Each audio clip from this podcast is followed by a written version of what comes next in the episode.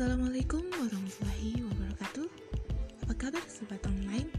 Semoga tetap sehat dan tetap semangat dong mencari ilmu Assalamualaikum warahmatullahi wabarakatuh Apa kabar sobat online?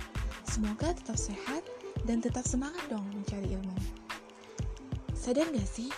Dari masa ke masa kebutuhan hidup manusia semakin meningkat tidak perlu data statistik atau alat penghitung lainnya untuk pay. Semakin bertambahnya penduduk, maka tingkat konsumsi masyarakat juga akan naik. Itu sudah merupakan hukum alam. Oleh karena itu, berbagai variasi dan sistem belanja ataupun investasi sebagai jaminan selalu diperbarui setiap hari, setiap jam, dan bahkan setiap detik. Di era modern ini, berbagai jenis investasi, investasi saat ini ramai disampaikan agar bisa melakukan investasi bahkan dari usia muda. Namun, karena setiap jenis investasi ada kerugiannya, ada juga yang ternyata lebih mengambil jalan pintas.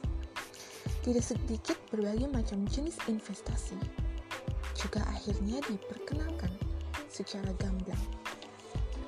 Contohnya saja, Adakah dari teman-teman sedang keranjingan dengan tanaman hits bernama janda bolong yang harganya 85.000 sampai 15 juta rupiah per daun? Atau adakah yang pernah turut latah beternak burung lovebird di suatu masa? Jika iya, maka kamu harus cepat-cepat membangunkan dirimu nih. Karena kamu tanpa tersadar tengah terjebak pada sebuah praktek bisnis yang merugikan.